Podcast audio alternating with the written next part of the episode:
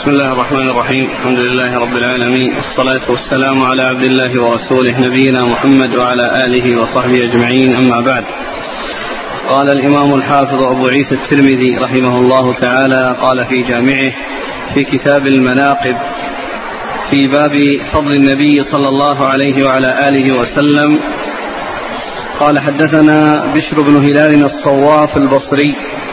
قال حدثنا جعفر بن سليمان الضبعي عن ثابت عن أنس بن مالك رضي الله عنه أنه قال لما كان اليوم الذي دخل فيه رسول الله صلى الله عليه وعلى آله وسلم المدينة أضاء منها كل شيء فلما كان اليوم الذي مات فيه أظلم منها كل شيء. وما نفضنا عن رسول الله صلى الله عليه وعلى آله وسلم الايدي وإنا لفي دفنه حتى أنكرنا قلوبنا. قال أبو عيسى هذا حديث غريب صحيح. بسم الله الرحمن الرحيم. الحمد لله رب العالمين وصلى الله وسلم وبارك على عبده ورسوله نبينا محمد وعلى آله وأصحابه أجمعين. ما بعد فهذا الحديث عن بن مالك رضي الله تعالى عنه يقول فيه يحكي ما حصل للمدينة حين قدم إليها وما حصل لها حين قبض فيها عليه الصلاة والسلام وأنه لما قدم إلى المدينة أضاء منها كل شيء لأنه يوم فرح وسرور وابتهاج بمقدم الرسول صلى الله عليه وسلم. وعند وفاته عليه الصلاة والسلام حلت مصيبة هي أعظم مصيبة حصلت لهذه الأمة وهي وفاة الرسول صلى الله عليه وسلم فإن ذلك أعظم مصاب وأجل مصاب. فأظلم منها كل شيء والمقصود من ذلك أن ما حصل في يوم دخولها من الفرح والسرور وما حصل في وفاته من التأثر ومن الحزن العظيم لفقده صلى الله عليه وسلم لأن لأن بوجوده عليه الصلاة والسلام كان الوحي ينزل والتشريع يحصل و وبوفاته صلى الله عليه وسلم انقطع الوحي انقطع الوحي فتأثر الصحابة رضي الله عنهم وأرضاهم تأثرا عظيما حتى قال أنس رضي الله عنه أننا لما نفضنا التراب من أيدينا يعني بعد أن دفنوه صلى الله عليه وسلم إلا وقد أنكروا قلوبهم يعني بذلك ما حصل لهم من التأثر وليس معنى ذلك أن أن إيمانهم حصل فيه شيء وإنما حزنوا لهذا الذي فقدوه من رؤية الرسول عليه الصلاة والسلام وكونه بين أيديهم يرجعون إليه ويأخذون عنه الكتاب والسنة ويتلقونها عنه وقد تلقوها كاملة عليه عنه منه عليه الصلاة والسلام. ولكن بوفاته انقطع الوحي من السماء فلم يأتي أو ينزل جبريل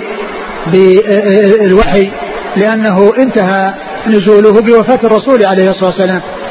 كان ينزل بالوحي وانتهى ولكن الشريعة استقرت وكملت ولم يكن هذا الإنكار لقلوبهم لشيء أصابهم من ناحية ضعفها ولكن من ناحية, ناحية جلل المصيبة وهول المصيبة التي حصلت حتى كان الواحد منهم لا يدري عن نفسه لشدة الهول ولعظم الهول الذي حصل من فقده عليه الصلاة والسلام.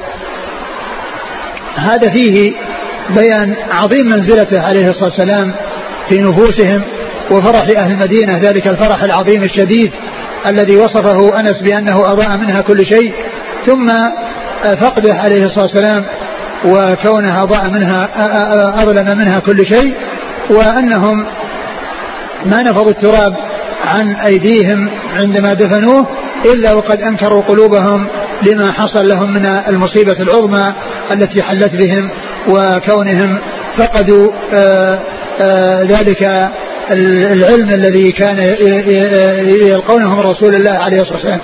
لكن الشريعة مستقرة وكاملة وليس فيها نقص يحتاجون إلى أن يضاف إليهم. ولكن آه كون آه الوحي انقطع وكون الرسول صلى الله عليه وسلم آه خرج من هذه الدنيا وانتقل إلى الرفيق الأعلى ودفن عليه الصلاة والسلام. أنكروا قلوبهم رضي الله عنهم وأرضاهم. وكما هو معلوم هذه الإضاءة وهذا الظلام ليس المقصود الظلام الذي إن, إن, صار فيه زيادة في النور أو زيادة يعني في ضوء الشمس. أو يعني ظلام يعني حصل لهم في النهار كما يحصل الظلام في الليل وإنما هذا إشارة وكناية عن عظم السرور والابتهاج الذي حصل لقدومه صلى الله عليه وسلم ولهول المصيبة وجللها وعظمها عندما فقدوه عليه الصلاة والسلام. وليس المقصود من ذلك أن, أن أنه حصل الليل في النهار وأن الناس كانوا في ظلام في النهار وإنما هذا عبارة وإشارة إلى عظم السرور والابتهاج بقدومه عليه الصلاة والسلام إلى المدينة وإلى خطر المصيبة وإلى عظم المصيبة وجللها عند فقده صلوات الله وسلامه وبركاته عليه. نعم. قال حدثنا بشر بن هلال الصواف هو؟ ثقة أخرجه مسلم وأصحاب السنن. نعم. عن جعفر بن سليمان الضبعي. وهو صدوق خرج البخاري في المفرد ومسلم وأصحاب السنن. نعم. عن ثابت. ثابت بن أسلم البناني ثقة أخرجه أصحاب الكتب. عن أنس بن مالك رضي الله عنه خادم الرسول عليه الصلاة والسلام. وهذا الإسناد رباعي من أعلى من أعلى الأسانيد عند الترمذي رحمه الله. قال رحمه الله تعالى باب ما جاء في ميلاد النبي صلى الله عليه وعلى آله وسلم. قال حدثنا محمد بن بشار العبدي. قال حدثنا وهب بن جرير. قال حدثنا أبي قال سمعت محمد بن إسحاق يحدث عن المطلب بن عبد الله بن قيس بن مخرمة عن أبيه عن جده رضي الله عنه أنه قال ولدت أنا ورسول الله صلى الله عليه وعلى آله وسلم عام الفيل وسأل عثمان بن عفان قباة بن أشيم أخا بني يعمر بن ليل أأنت أكبر أم رسول الله صلى الله عليه وسلم؟ فقال رسول الله صلى الله عليه وعلى آله وسلم أكبر مني وأنا أقدم منه في الميلاد ولد رسول الله صلى الله عليه وآله وسلم عام الفيل ورفعت ورفعت بي أمي على الموضع قال ورأيت خذق الفيل أخضر محيلا قال أبو عيسى هذا حديث حسن غريب لا نعرفه إلا من حديث محمد بن إسحاق ثم أبو عيسى هذا الأثر عن عن عن قيس بن مخرمة صاحب رسول الله عليه الصلاة والسلام أنه آه أنه قال ولدت أنا ورسول الله صلى الله عليه وسلم عام الفيل ولدت أنا ورسول الله صلى الله عليه وسلم عام الفيل و وهذا العام هو عام الفيل هو العام الذي جاء فيه أبرهة بالفيل الذي أراد غزو الكعبة وصده الله عز وجل وأنزل عليه الطير الأبابيل الذي أهلكهم. ثم وأنزل الله عز وجل في هذه السورة التي تتلى في كتاب الله عز وجل في قصة الفيل. يعني فتلك السنة التي حصل فيها هذا الحدث هي التي ولد فيها الرسول عليه الصلاة والسلام. وقيس بن مخرمة يقول ولدت أنا ورسول الله عليه الصلاة والسلام في عام الفيل. ثم ذكر أن عثمان بن عفان سأل عثمان بن عفان رضي الله عنه سأل قباث بن أشيم. سأل؟ قباث غباث. غباث بن أشيم أنت أكبر أم رسول الله صلى الله عليه وسلم. فقال هو أكبر مني وقد ولدت قبله. هو أكبر مني وقد ولدت قبله. وهذا من حسن الأدب وكمال الأدب في التعبير.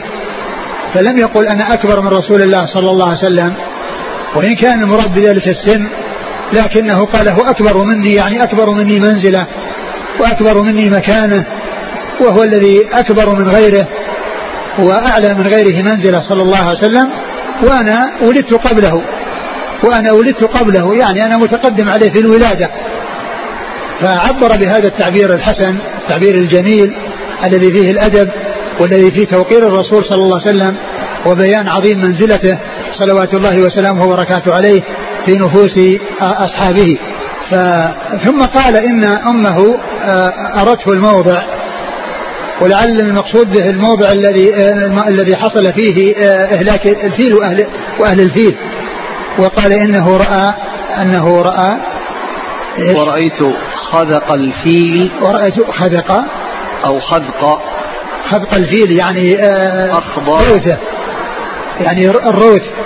يعني الذي قد حصل من الفيل في ذلك المكان آه إيش؟ محيل أخضر محيلا. أخضر محيلا. يعني متغيرا. يعني معناه أن أن أنه هو يحكي عن الشيء الذي حصل في عام الفيل. لأنه كان متقدم الولادة على رسول الله صلى الله عليه وسلم والرسول عليه الصلاة والسلام ولد في ذلك العام. وهو يذكر أو أنه رأى هذا الشيء الذي آه، أرته أمه إياه وأنه آه، كان في آه، ذلك الوقت الذي حصل فيه قصة الفيل وأنه رأى يعني الروث الذي أو الذي يحصل من الفيل أنه أخبر محيلا يعني متغيرا محيلا متغيرا. والحديث في إسناده رجل مقبول ولكن كونه ولد عام الفيل هذا هو المعروف وهذا هو المشهور. نعم. قال حدثنا محمد بن بشار العبدي. هو ثقة أخرجه أصحاب الكتب. عن وهب بن جرير. وهو صدوق أخرج له أصحاب الكتب. ثقة. ثقة؟ نعم. نعم ثقة أخرج أصحاب الكتب. عن عن أبيه جرير بن حازم ثقة أخرج أصحاب الكتب. عن محمد بن إسحاق. وهو صدوق أخرجه البخاري تعليقا ومسلم وأصحاب السنن. عن المطلب بن عبد الله بن قيس. وهو مقبول أخرج له. الترمذي. نعم. عن أبيه. وهو له رؤية. نعم. أخرج له نعم. مسلم وأصحاب السنن. نعم. عن جده. قيس بن مخرمة رضي الله عنه أخرج له. الترمذي. نعم. قال رحمه الله تعالى باب ما جاء في بدء نبوة النبي صلى الله عليه وآله وسلم. قال حدثنا الفضل بن سهل أبو العباس الأعرج البغدادي. قال حدثنا عبد الرحمن بن غزوان أبو نوح قال أخبرنا يونس بن أبي إسحاق عن أبي بكر بن أبي موسى عن أبيه رضي الله عنه أنه قال خرج أبو طالب إلى الشام وخرج معه النبي صلى الله عليه وعلى آله وسلم في أشياخ من قريش فلما أشرفوا على الراهب هبطوا فحلوا رحالهم فخرج إليهم الراهب وكانوا قبل ذلك يمرون به فلا يخرج إليهم ولا يلتفت. قال فهم يحلون رحالهم فجعل يتخللهم الراهب حتى جاء فأخذ بيد رسول الله صلى الله عليه وآله وسلم. قال هذا سيد العالمين هذا رسول رب العالمين يبعثه الله رحمة للعالمين. فقال له أشياخ من قريش ما علمك؟ فقال إنكم حين أشرفتم من العقبة لم يبق شجر ولا حجر إلا خر ساجدا ولا يسجدان إلا لنبي وإني أعرفه بخاتم النبوة أسفل من غضروف كتفه مثل التفاحة ثم رجع فصنع لهم طعاما فلما أتاهم به وكان هو في رعية الإبل قال أرسلوا إليه فأقبل وعليه غمامة تظله فلما دنا من القوم وجدهم قد سبقوه إلى فيء الشجرة فلما جلس مال فيء الشجرة عليه فقال انظروا إلى فيء الشجرة مال عليه. قال فبينما هو قائم عليهم وهو يناشدهم أن لا يذهبوا به إلى الروم فإن الروم إذا رأوه عرفوه بالصفة فيقتلونه. فالتفت فإذا بسبعة قد أقبلوا من الروم فاستقبلهم. فقال ما جاء بكم؟ قالوا جئنا أن جئنا أن هذا النبي خارج في هذا الشهر. فلم يبق طريق إلا بعث إليه بأناس وإنا قد أخبرنا فلم فلم فلم؟ يبق طريق إلا بعث إليه بأناس. نعم. نعم. وإنا قد أخبرنا خبره بعثنا إلى طريقك هذا. فقال هل خلفكم أحد هو خير منكم؟ قالوا إنما اخترنا خيرة لك لطريقك هذا. قال أفرأيتم؟ قال هل قال هل؟ هل خلفكم أحد هو خير منكم. قالوا إنما اخترنا خيرة لك لطريقك هذا. قال أفرأيتم أمرا أراد الله أن يقضيه؟ هل يستطيع أحد من الناس رده؟ قالوا لا. قال فبايعوه وأقاموا معه. قال أنشدكم الله؟ أيكم وليه؟ قالوا أبو طالب. فلم يزل يناشده حتى رده أبو طالب. وبعث معه أبو بكر بلالا. وزوده الراهب من الكعك والزيت. قال أبو عيسى هذا حديث حسن غريب. لا نعرفه إلا من هذا الوجه. ثم أبو عيسى هذا الأثر عن المتعلق بأول آه، آه، بيان أول خبر بعثة الرسول عليه الصلاة والسلام وأن أهل الكتاب كانوا يعلمون من كتبهم أن أن الرسول خارج وأنهم آه، يعني يريدون أن يتبعوه ولكنه لما بعثه الله عز وجل حسدوا حسدوا الأميين وحسدوا العرب على بعثته منهم عليه الصلاة والسلام. وقد ذكر الترمذي أورد الترمذي هذا هذا الأثر الذي فيه أن أبا طالب وهو عمه خرج به إلى الشام وهو في آه، في صغره عليه الصلاة والسلام وأنه لما جاءوا إلى أرض الشام وجدوا فيها راهبا كان لا يحفل بهم ولا يهتم بهم ولكنه في هذه المرة استقبلهم وكان آه، يبحث أو يعني آه، يريد أن يرى هذا الذي آه، سيبعث وأنه يكون رسولا إلى العالمين. فرأى النبي عليه الصلاة والسلام ثم إنه كان في رعية الإبل. وأوصى عمه أن يحافظ عليه وأن يذهب به وأن يعود به لأن الروم لو آه، رأوه آه، يقتلونه لأنهم يحسدون العرب لكون الرسول صلى الله عليه وسلم منهم.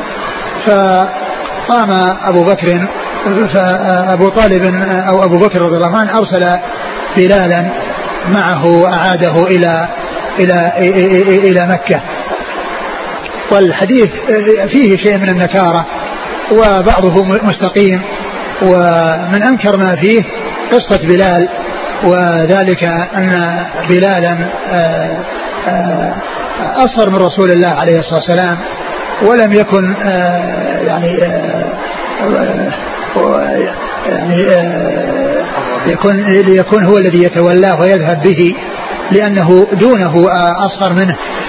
والرسول صلى الله عليه وسلم أكبر منه أو أنه هل هو موجود أو غير موجود فهذا من أنكر ما فيه. والإسناد لا بأس به وفيه شيء من النكارة ولكن بعضه صحيح وأكثره صحيح ولا ولا إشكال فيه وهذا من معجزاته صلى الله عليه وسلم ومما أكرمه الله عز وجل به ومما خصه به صلوات الله وسلامه وبركاته عليه. أعد أعد المتن. خرج أبو طالب إلى الشام وخرج معه النبي صلى الله عليه وسلم في أشياخ من قريش. نعم. فلما أشرفوا يعني على أبو طالب ومعه أشياخ من قريش يعني ناس كبار من قريش ومعهم هذا ومعهم النبي صلى الله عليه وسلم وهو صغير السن. نعم. فلما أشرفوا على الراهب هبطوا فحلوا رحالهم. فخرج إليهم الراهب وكانوا قبل ذلك يمرون به فلا يخرج إليهم ولا يلتفت. قال يعني لا يحفل بهم ولا يبالي بهم لكن هذه المرة آه، رأوا منه شيئا يختلف عما كان عليه من قبل. وذلك أنه رأى يعني أمارات يعني حصلت له. نعم. نعم. قال فهم يحلون رحالهم فجعل يتخللهم الراهب حتى جاء فأخذ بيد رسول الله صلى الله عليه وسلم. قال هذا سيد العالمين. لأنه عرفه بوصفه يعني وصفه الذي عندهم والذي يجدونه في كتبهم. نعم. هذا رسول رب العالمين يبعثه الله رحمة للعالمين. فقال له أشياخ من قريش ما علمك؟ فقال إنكم حين أشرفتم من العقبة لم يبق شجر ولا حجر إلا خر ساجدا ولا يسجدان إلا لنبي. وإني أعرفه بخاتم النبوة أسفل من غضروف كتفه مثل التفاحة. ثم رجع فصنع لهم طعاما فلما أتاهم به وكان هو في رعية الإبل قال أرسلوا إليه. فأقبل وعليه, وعليه غمامة تظله فلما دنا من القوم وجدهم قد سبقوه إلى فيء الشجرة فلما جلس مال فيء الشجرة عليه فقال انظروا إلى فيء الشجرة مال عليه. يعني هذه كلها من الأمارات التي يعني استدل بها على نبوته عليه الصلاة والسلام. نعم. قال فبينما هو قائم عليهم وهو يناشدهم أن لا يذهبوا به إلى الروم فإن الروم إذا رأوه عرفوه بالصفة فيقتلونه. فالتفت فإذا بسبعة قد أقبلوا من الروم فاستقبلهم فقال ما جاء بكم؟ قالوا جئنا أن هذا النبي خارج في هذا الشهر. يعني أن النبي الذي كانوا يتوقعون آه، خروجه ويتوقعون آه، بعثته أنه يكون يعني في ذلك الوقت. وهذا يعني إما أن يكون يعني عندهم علم به أو أن هذا مما هو مما هو منكر يعني في هذا الحديث. نعم. أو في هذا الأثر. الآن الراهب هو الذي يخاطب هؤلاء؟ أي نعم. قالوا جئنا يخاطب هؤلاء السبعة اللي جاءوا نعم. فقال ما جاء بكم؟ قالوا جئنا أن هذا النبي خارج في هذا الشهر فلم يبق طريق إلا بعث إليه بأناس. يعني كونهم أرسلوا طرق يعني طرق يعني آه، آه، آه، يعني حتى يستطلعوا خبر يعني هذا النبي الذي يخرج في هذا الشهر. يستطلعوا خبره يعني عدة طرق أرسل إليها أناس. وكانوا هم نصيب هذا الطريق. كانوا هم نصيب هذا الطريق الذي التقوا فيه بهذا الركب الذين معهم النبي عليه الصلاة والسلام. وإنا قد أخبرنا خبره بعثنا إلى طريقك هذا. فقال هل خلفكم أحد هو خير منكم؟ قالوا إنما اخترنا خيرة لك لطريقك هذا. يعني معناه أن هؤلاء الذين اختيروا يعني أنهم من خير الرسل. أو الوفود التي أرسلت للطرق التي تستطلع خبر الرسول عليه الصلاة والسلام. نعم. فقال أفرأيتم أمرا أراد الله أن يقضيه؟ هل يستطيع أحد من الناس رده؟ قالوا لا. قال فبايعوه وأقاموا معه. يعني يعني بايعوه يعني يمكن بايعوا يعني على أنه إذا خرج أنهم يبايعونه وإلا هو ما بعث عليه الصلاة والسلام إلى الآن لأنه آه، آه، صغير وهو من أحدثهم سنا والذين معه كانوا أشياخ يعني شيوخ يعني كبار أبو طالب ومن معه.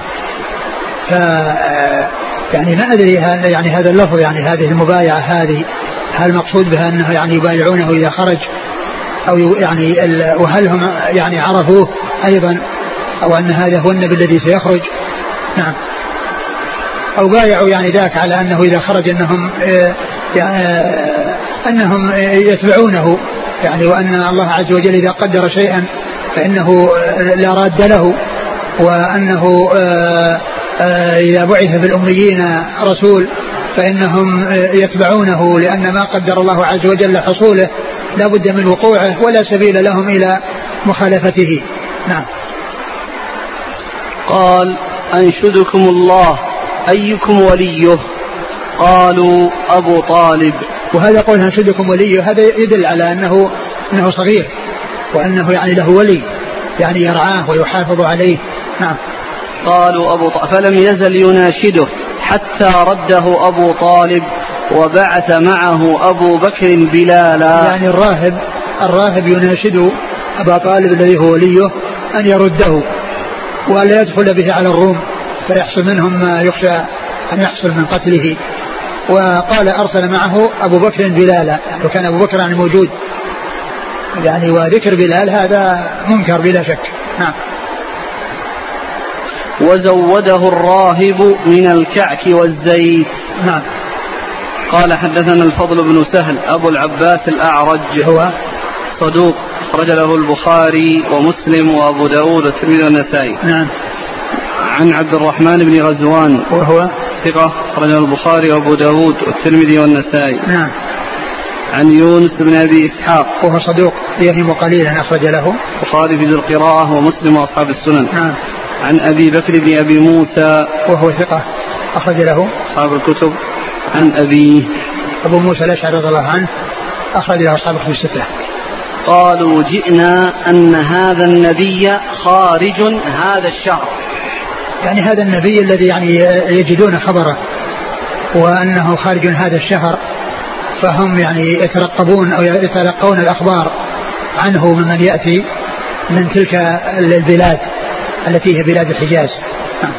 قال رحمه الله تعالى باب في مبعث النبي صلى الله عليه وعلى آله وسلم. وابن كم كان حين بعث. قال حدثنا محمد بن إسماعيل قال حدثنا محمد بن بشار قال حدثنا ابن أبي عدي. عن هشام بن حسان عن عكرمة عن ابن عباس رضي الله عنهما أنه قال أنزل على رسول الله صلى الله عليه وعلى آله وسلم وهو ابن أربعين. فأقام بمكة ثلاث عشرة وبالمدينة عشرا وتوفي وهو ابن ثلاث وستين. قال أبو عيسى هذا حديث حسن صحيح. نعم. قال حدثنا محمد بن بشار قال حدثنا ابن أبي عدي عن هشام عن عكرمة عن ابن عباس رضي الله عنهما أنه قال قبض النبي صلى الله عليه وعلى آله وسلم وهو ابن خمس وستين. وهكذا حدثنا هو يعني ابن بشار وروى عنه محمد بن إسماعيل مثل ذلك. قال حدثنا قتيبة عن مالك بن أنس وحدثنا الأنصاري قال حدثنا معا قال حدثنا مالك بن أنس عن ربيعة بن أبي عبد الرحمن أنه سمع أنسا رضي الله عنه يقول لم يكن رسول الله صلى الله عليه وعلى آله وسلم بالطويل البائن ولا بالقصير المتردد ولا بالأبيض الأمهق ولا بالآدم وليس بالجعد القطط ولا بالسبط. بعثه الله على السبط ولا بالسبط. نعم. بعثه الله على رأس أربعين سنة فأقام بمكة عشر سنين وبالمدينة عشرا وتوفاه الله على رأس ستين سنة وليس في رأسه ولحيته عشرون شعرة بيضاء. قال أبو عيسى هذا حديث حسن صحيح. ثم ورد أبو عيسى هذا هذا الباب في مبعثه صلى الله عليه وسلم وأنه بعث وعمره أربعون سنة ونزل عليه الوحي في غار حراء أول ما نزل وعمره عشرون سنة. صلوات الله وسلامه وبركاته عليه.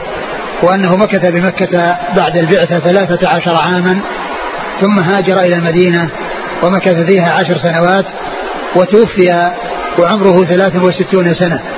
أربعون قبل البعثة وثلاثة, وثلاث وعشرون بعد البعثة منها ثلاثة, ثلاثة عشر عاما بمكة وعشرة أعوام بالمدينة وهذا هو الصحيح في بيان سنه صلوات الله وسلامه وبركاته عليه ومدة بقائه بمكة وبقائه بالمدينة. وقد جاء يعني روايات أخرى ذكرها المصنف وهو أنه عليه الصلاة والسلام توفي وعمره عمره 65 سنة.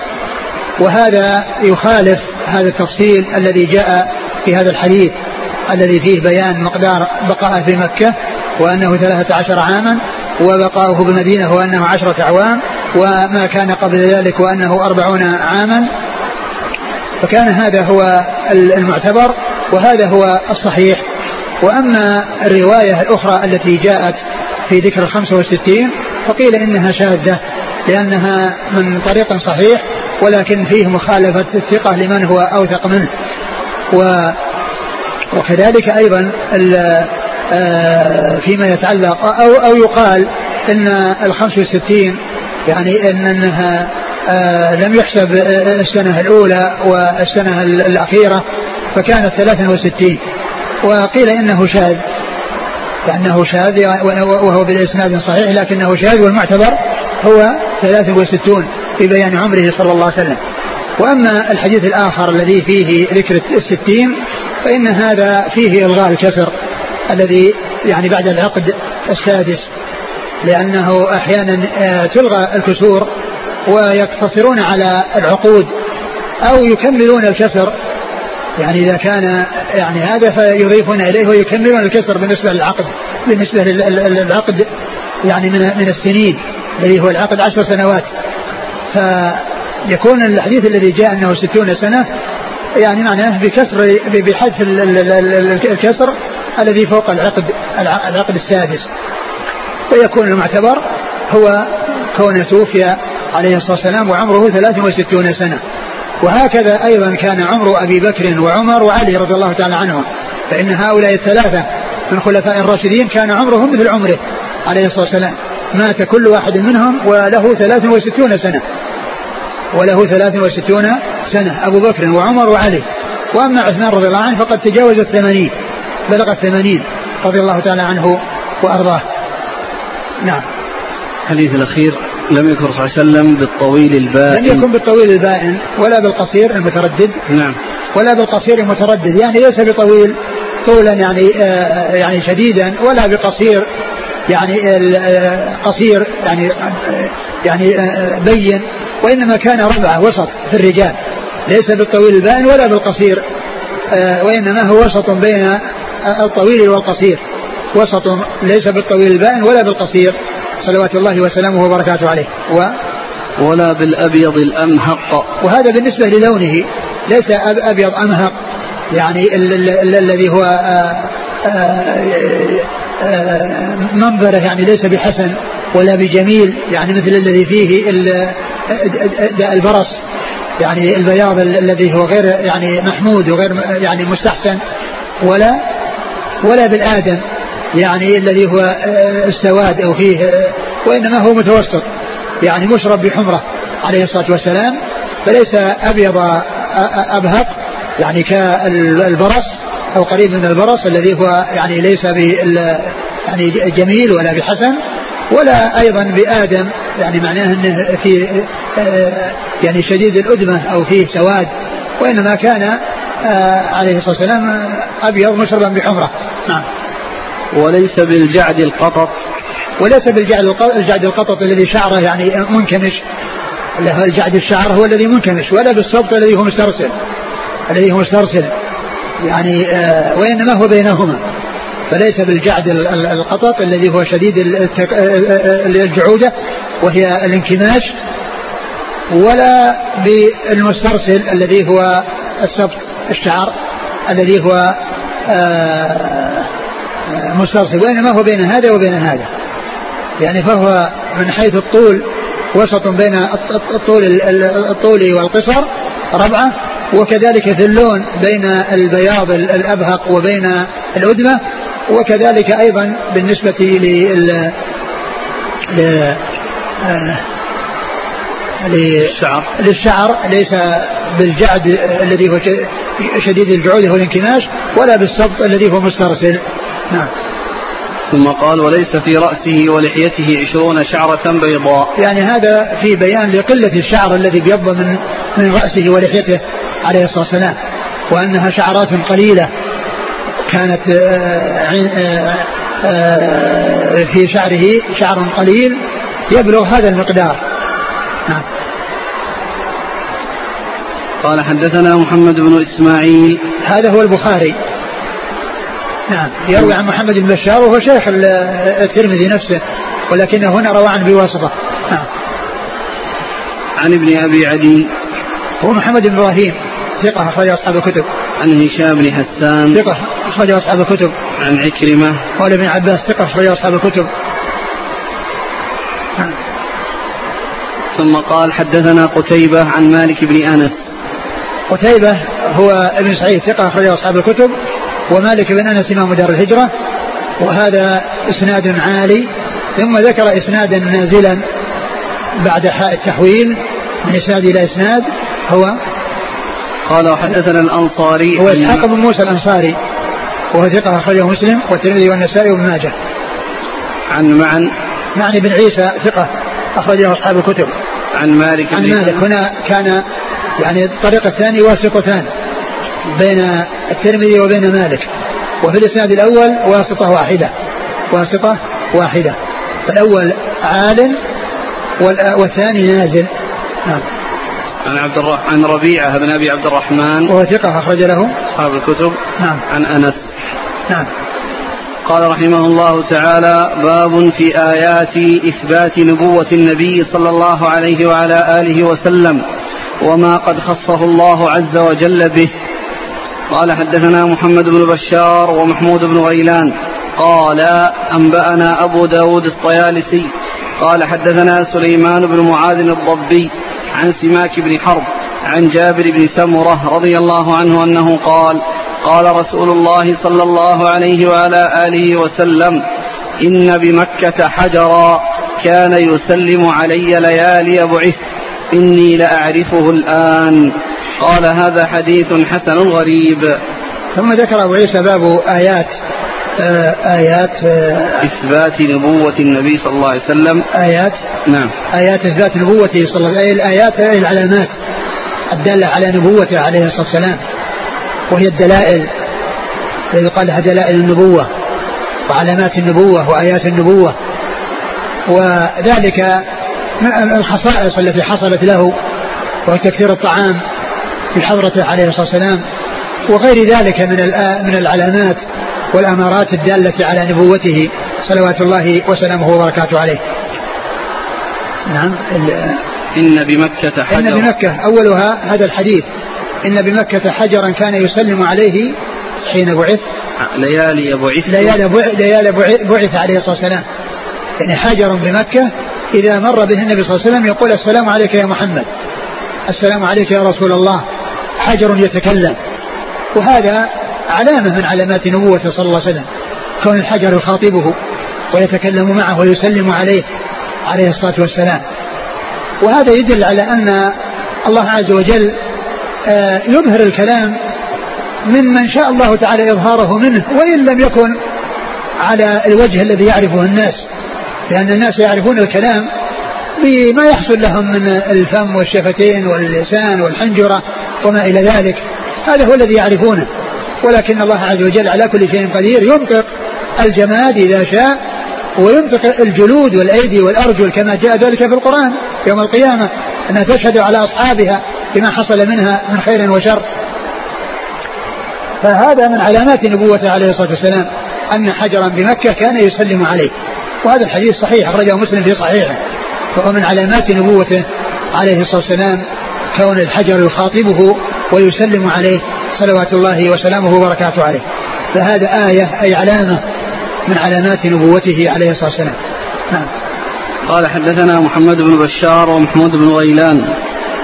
محمود بن غيلان ثقة أخرجه أصحاب الكتب إلا أبا داود.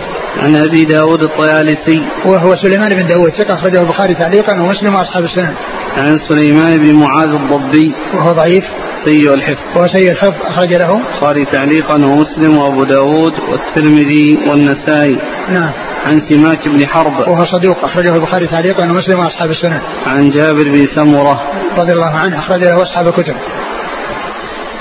قال حدثنا محمد بن بشار قال حدثنا يزيد بن هارون قال حدثنا سليمان التيمي عن أبي العلاء عن سمرة بن جندب أنه قال كنا مع رسول الله صلى الله عليه وعلى آله وسلم نتداول في قصعة عن غدوة حتى الليل يقوم عشرة ويقعد عشرة قلنا فما كانت تمد؟ قال من أي شيء تعجب؟ ما كانت تمد إلا منها هنا وأشار بيده إلى السماء. قال أبو عيسى هذا حديث حسن صحيح. وأبو العلاء اسمه يزيد بن عبد الله بن الشخير. ثم ذكر أبو عيسى هذا الحديث عن جابر بن سمرة رضي الله عنه وأنهم كانوا مع النبي صلى الله عليه وسلم ومعهم قصعة أو صحفة فيها طعام وكانوا يعني يتداورونه يعني كل يعني آه، يذهب ناس ويأتي ناس. ويستديرون عليها يأكلون. وذلك كل النهار يذهب عشرة ويأتي عشرة وهي تزيد وتنمو وتربو. فقال يعني من أين تمد؟ قالوا تعجبون وأشار قال إنها تمد من السماء يعني من الله عز وجل هو الذي أنزل البركة فيها. فهذا من بركة من من من البركة التي ينزلها الله عز وجل في الطعام بحضرته. وبين يديه صلوات الله وسلامه وبركاته عليه. وقد حصل وقائع كثيرة في تكثير الطعام بحضرته وتكثير الماء وخروج الماء وحصوله بكثرة. كل ذلك من دلائل نبوته عليه الصلاة والسلام وهي تشتمل عليها مثل كتب دلائل النبوة التي يجمعون فيها ما يتعلق بعلامات نبوته عليه الصلاة والسلام. نعم. قال حدثنا محمد بن بشار عن يزيد بن هارون. هو الواسطي ثقة أخرج أصحاب الكتب. عن سليمان التيمي. وسليمان بن طرخان ثقة أخرج أصحاب الكتب. عن أبي العلاء. وهو ثقة أخرج له. أصحاب الكتب. نعم. عن سمرة بن جندب. رضي الله عنه أخرجه أصحاب الكتب. قال رحمه الله تعالى باب. قال حدثنا عباد بن يعقوب الكوفي. قال حدثنا الوليد بن أبي ثور. عن السدي عن عباد بن أبي يزيد عن علي بن أبي طالب رضي الله عنه أنه قال كنت مع النبي صلى الله عليه وعلى آله وسلم بمكة فخرجنا في بعض نواحيها فما استقبله جبل ولا شجر إلا وهو يقول السلام عليك يا رسول الله. قال هذا حديث غريب وروى غير واحد عن الوليد بن أبي ثور وقال عن وروى غير واحد. عن الوليد بن أبي ثور وقال عن عباد أبي يزيد. عباد بن يزيد. عباد بن يزيد. لأنه يعني مثل ما قال الحافظ التقريب عباد بن أبي يزيد أو عباد بن يزيد. نعم. عباد عن عباد ابن أبي يزيد في الأول في الإسناد. نعم. وهنا قال عباد أبي يزيد. عباد بن يزيد. نعم. آه، وش بعده؟ حديث. انتهى؟ إيه نعم. ثم أورد أبو عيسى هذا الحديث عن علي رضي الله عنه وأنه كان مع النبي صلى الله عليه وسلم أول ما بعث فكان ما يستقبلهم شجر أو جبل إلا ويسلم على الرسول صلى الله عليه وسلم إلا ويسلم على الرسول عليه الصلاة والسلام. وحصول التسليم على الرسول صلى الله عليه وسلم ثابت في الحديث السابق الذي هو الحجر. وأما بالنسبة لهذا فإن في إسناده ضعف الذي فيه تسليم الأشجار والجبال وأنهما يمرون بجبل أو بشجر إلا ويسلم على الرسول عليه الصلاة والسلام. هذا في الإسناد ضعف. نعم. قال حدثنا عباد بن يعقوب الكوفي. هو صدوق أخرج له. البخاري والترمذي وابن ماجه. نعم. عن الوليد بن أبي ثور. وهو؟ ضعيف. نعم. أخرج البخاري في المفرد وأبو داود والترمذي وابن ماجه. نعم. عن السدي وهو؟ صدوق يهم له مسلم وأصحاب السنن. نعم. عن عباد بن أبي يزيد وهو؟ مجهول أخرج له الترمذي. نعم. عن علي بن أبي طالب. رضي الله عنه أمير المؤمنين ورابع الخلفاء الراشدين الهاديين المهديين صاحب المناقب الجمة والفضائل الكثيرة وحديثه عند أصحاب الكتب الستة. قال حدثنا محمود قال حدثنا عمر بن يونس عن عكرمة بن عمار عن إسحاق بن عبد الله بن أبي طلحة عن أنس بن مالك رضي الله عنه أن رسول الله صلى الله عليه وعلى آله وسلم خطب إلى عذق جذع. هكذا. إلى عذق. الشرح لزق؟ باللام لزق. أيوه. وعندنا عذق. كذا إلى عذق جذع. نعم علقي علقي عذق جذع. بالذال نعم نعم. أيوه. نعم. واتخذوا له منبرا فخطب عليه فحن الجذع حنين الناقة فنزل النبي صلى الله عليه وسلم فمسه فسكن. وهذا من علامات نبوته عليه الصلاة والسلام. فإنه لما كان يخطب على جذع ثم اتخذ له منبر فتحول عليه تحول إليه. ولما تحول إليه حن الجذع وظهر, صوته. فنزل النبي صلى الله عليه وسلم ومسه فسكن. وهذا من علامات نبوته صلى الله عليه وسلم كون الجذع هذا الجماد يحن آآ آآ آآ حزنا على كون الرسول صلى الله عليه وسلم انتقل عنه. إلى مكان آخر الذي هو هذا المنبر الذي صنع له من الخشب عليه الصلاة والسلام. فهذا من علامات نبوته عليه الصلاة والسلام.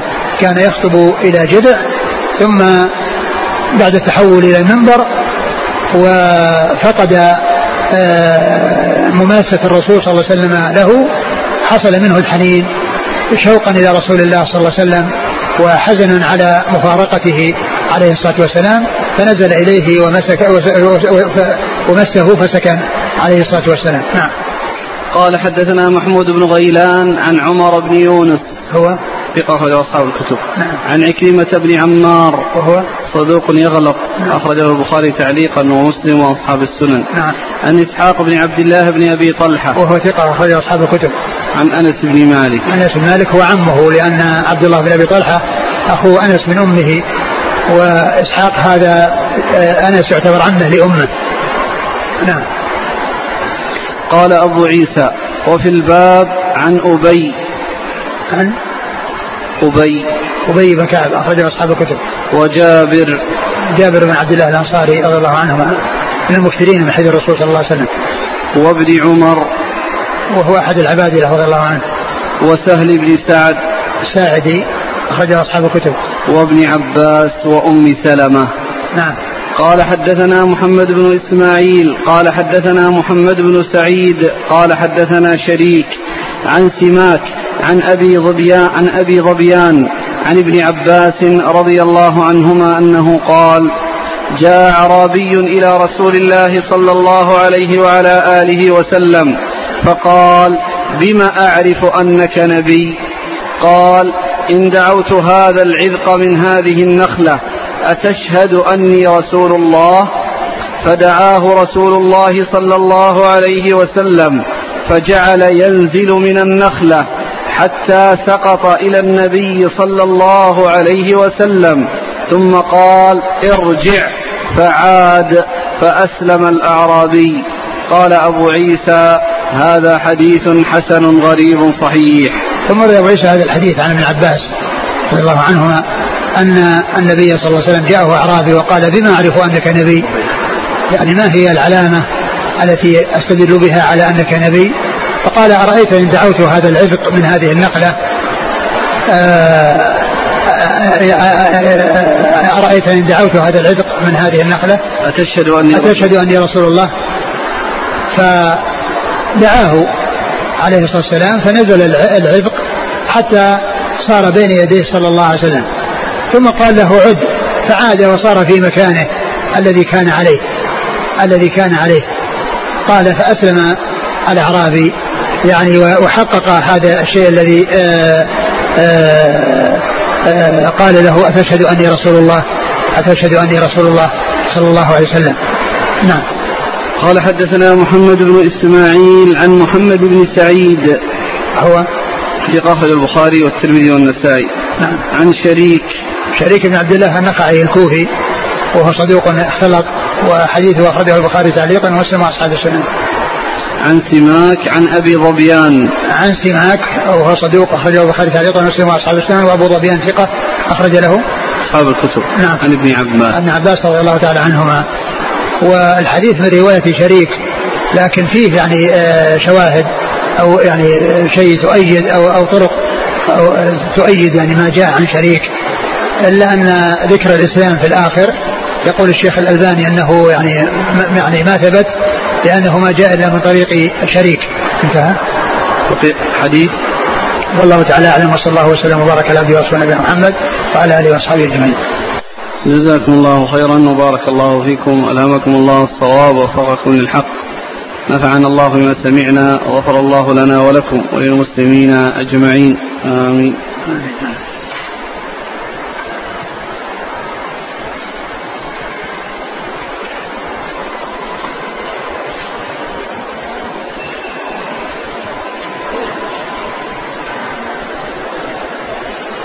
يقول آه، ما معنى العذق واللذق؟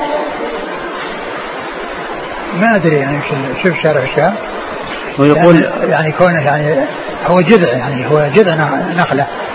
والعذق يعني معروف انه يعني اللي هو القنو لكن ما أدري وش يعني الشارح شرح على أنها لزق يعني ملاصق ملاصق للجذع. كان صلى الله عليه وسلم إذا خطب يلزق نفسه آه يعني إيش العبارة كان لزق. لا اللفظ يعني كان إذا خطب. إذا آه النبي صلى الله عليه وسلم خطب إلى لزق آه. جذع. خطب, إلى لزق. إيه؟ يعني أن ملاصقا إيه. بجذع.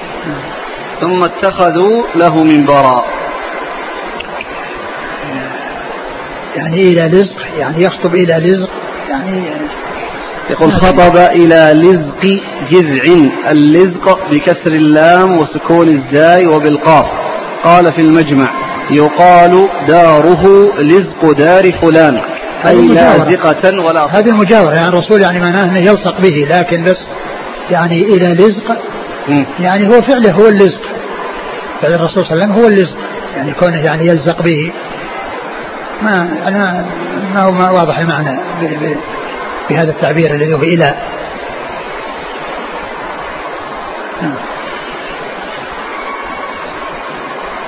أما إذا قلنا خطب إلى عذق جذع على ما, ما بس العذق يعني معروف إنها ما- يعني القنو والقنو ما له ما له وجود في المكان هذا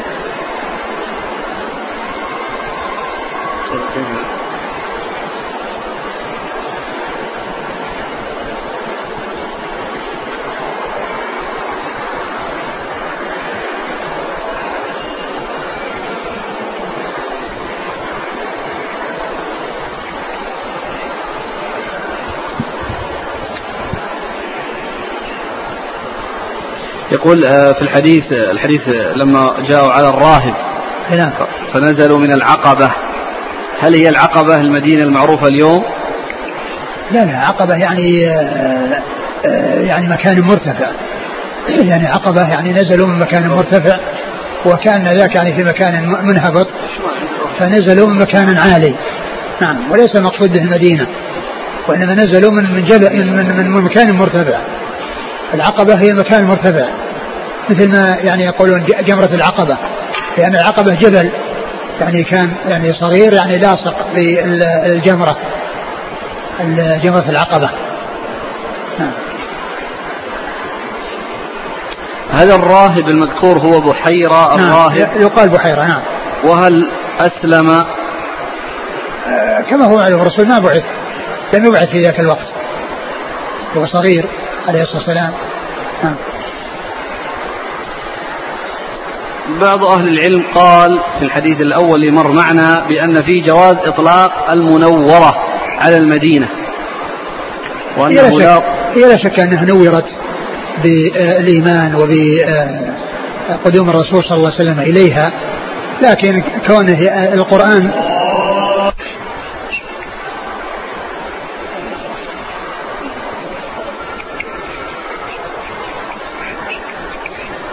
المدينة الذي جاء في القرآن والسنة إطلاق لفظ المدينة بدون إضافة بدون وصف. المدينة وال يعني هذه يعني ال يعني ال للغلبة لأن غلب عليها اسم المدينة. وإن كانت المدينة تطلق على مدن كثيرة يقال المدن المختلفة يقال لها المدينة ويقال لها مدينة. لكنه غلب على مدينة الرسول صلى الله عليه وسلم هذا الاسم. يعني قال المدينة. فهو علم بالغلبة كما يقولون. ويقول ابن مالك آه، يقول في في في الألفية آه، ما نسيت البيت في هذا ما حد ذكرني إياه. آه، وقد يكون علما بالغلبة مضاف أو أو أو مصحوب ألك العقبة. وقد يكون علما في الغ- في الغلبة مضافا أو مصحوب ألك العقبة. فالمدينة هي من هذه الألفاظ التي آه، آه، آه، غلب عليها التسمية في مدينة الرسول صلى الله عليه وسلم حتى صارت علما عليها وإن كانت تطلق على غيرها. فهذا هو الذي جاء في الكتاب والسنة تأتي بذكر المدينة. وقد جاء في كتب بعض العلماء مثل تفسير مثل ابن كثير في البداية والنهاية مثل تفسير ابن كثير وكذلك ابن حجر في فتح الباري وغيره يقول المدينة النبوية. المدينة النبوية. فيعني يذكر وصفها بكونها مدينة الرسول صلى الله عليه وسلم. فيقال المدينة النبوية نسبة للرسول صلى الله عليه وسلم. وقد آه، حصل في الأزمان الأخيرة وصفها بالمنورة. ولا شك أنها يعني هذا الوصف جائز. ولا بأس بذلك بأن يقال لها المنورة لأنها كما جاء في هذا الحديث عن أنس رضي الله عنه أضاء منها كل شيء. لكن هذه الإضاءة يعني إضاءة معنوية. يعني ليس معنى ذلك إضاءة حسية بمعنى أنه آه، نور يعني يخصها يعني آه، لا يكون في غيرها وأن فيها إضاءة. وإنما إضاءة معنوية لا شك لأنها آه، كون الهدى والنور الذي أخرج الله به الناس من الظلمات إلى النور إنما خرج من هذه المدينة. والله عز وجل وصف الكتاب بأنه نور. فكون الرسول صلى الله عليه وسلم نورا وكون وكونه سراجا منيرا وكون القرآن نور هو نور معنوي. نور معنوي. وليس المقصود به النور الحسي لأن الرسول عليه الصلاة والسلام كان آآ كما جاء في حديث عائشة وكانت البيوت يومئذ ليس فيها مصابيح. يعني كان يعني تمد رجلها وكانت ظلمة فكانت يعني تمد رجلها فيغمزها الرسول صلى الله عليه وسلم فتكفها وهو يصلي. وكذلك المرأة التي دفنوها في الليل وقال لهم لماذا ما أخبرتوني؟ قال إنها كانت ليلة مظلمة فكرهنا أن أن نوقظك يا رسول الله. فالمقصود بالنور المعنوي النور المضاف للقرآن والنور المضاف للرسول صلى الله عليه وسلم وكذلك النور الإضاءة التي حصلت في المدينة هي كلها من هذا القبيل يعني نور معنوي. وأما ما يقوله بعض الخرافيين من الرسول صلى الله عليه وسلم أنه لا ظل له وانه إذا مشى في الشمس ما يكون له ظل لأنه نوره يقابل نور الشمس يقابل نور الشمس فلا يكون له ظل. فهذا من الغلو الذي لا يرضاه الرسول صلوات الله وسلامه وبركاته عليه. والرسول كان يتظلل بالشجر وكان ظلل عليه عند رمي عقبة في ثوب وكان يعني جلس في خيمة يعني في نمرة يعني يستظل بها من الشمس. نعم. يقول قوله في خاتم النبوة أنه مثل التفاحة. هل يعني هو هذا هذا يعني خاتم النبوة ليس ب يعني بهذا المقدار. يعني هذا فيه نكارة يعني تفاحة يعني كونه يعني كبير وحجمه كبير. وإنما جاء يعني وصفه بأنه بأنه صغير. نعم. يقول يذكر البعض أن تسمية ما يجري على يد النبي صلى الله عليه وسلم من الآيات تسميتها بمعجزات هذا تسمية من المعتزلة. والأولى أن يقال آيات كما ذكر ذلك في الكتاب. المعجزة لا شك هي التي يكون فيها تحدي. التحدي هذا هو المعجزة. وأما هذا آيات وعلامات على نبوته صلى الله عليه وسلم. آيات على نبوته صلى الله عليه وسلم. وقد يحصل لبعض أولياء الله شيء من الكرامات. يعني من هذه الأشياء التي هي خارقة للعادة. ولكنها يعني يقال لها كرامة. مثل ما حصل للصحابيين الذين خرج من عند النبي صلى الله عليه وسلم في ليلة مظلمة فكان أمامهما نور يمشي أمامهما. ثم لما انفرق يعني ذهب كل واحد منهما إلى جهة بيته انقسم هذا النور قسم فرقتين فصار نورا مع أحدهما ونور مع الآخر. فهذا من من إكرام الله عز وجل لبعض أوليائه وهذا حصل لاثنين من أصحاب رسول الله صلى الله عليه وسلم وصح بذلك الخبر وأن هذا من من من من, من إكرام الله عز وجل لأوليائه. نعم. يقول ما صحة ما ذكر أن عمر النبي صلى الله عليه وسلم في قصة الراهب كان عمره 12 سنة. لا أدري لا أدري بالتحديد لكنه ما كان كبيرا. ولهذا يعني كما جاء في الأثر أنه ولي. قال من وليه؟ من وليه منكم؟ فقالوا أبو طالب. نعم. هناك من أهل السيرة من يقسم زمن البعثة إلى مرحلتين. مرحلة الدعوة السرية في مكة ومرحلة الدعوة الجهرية في المدينة. هل هذا التقسيم صحيح؟ نعم الرسول صلى الله عليه وسلم يعني آه، كان آه، بعث وكان يعني آه، يدعو سرا وجهرا. يعني فكان يعني فيه ناس يعني يأتون إليه ويخاطبهم ويدعوهم إلى أن يذهبوا إلى بلادهم مثل ما حصل للطفيل بن عمرو.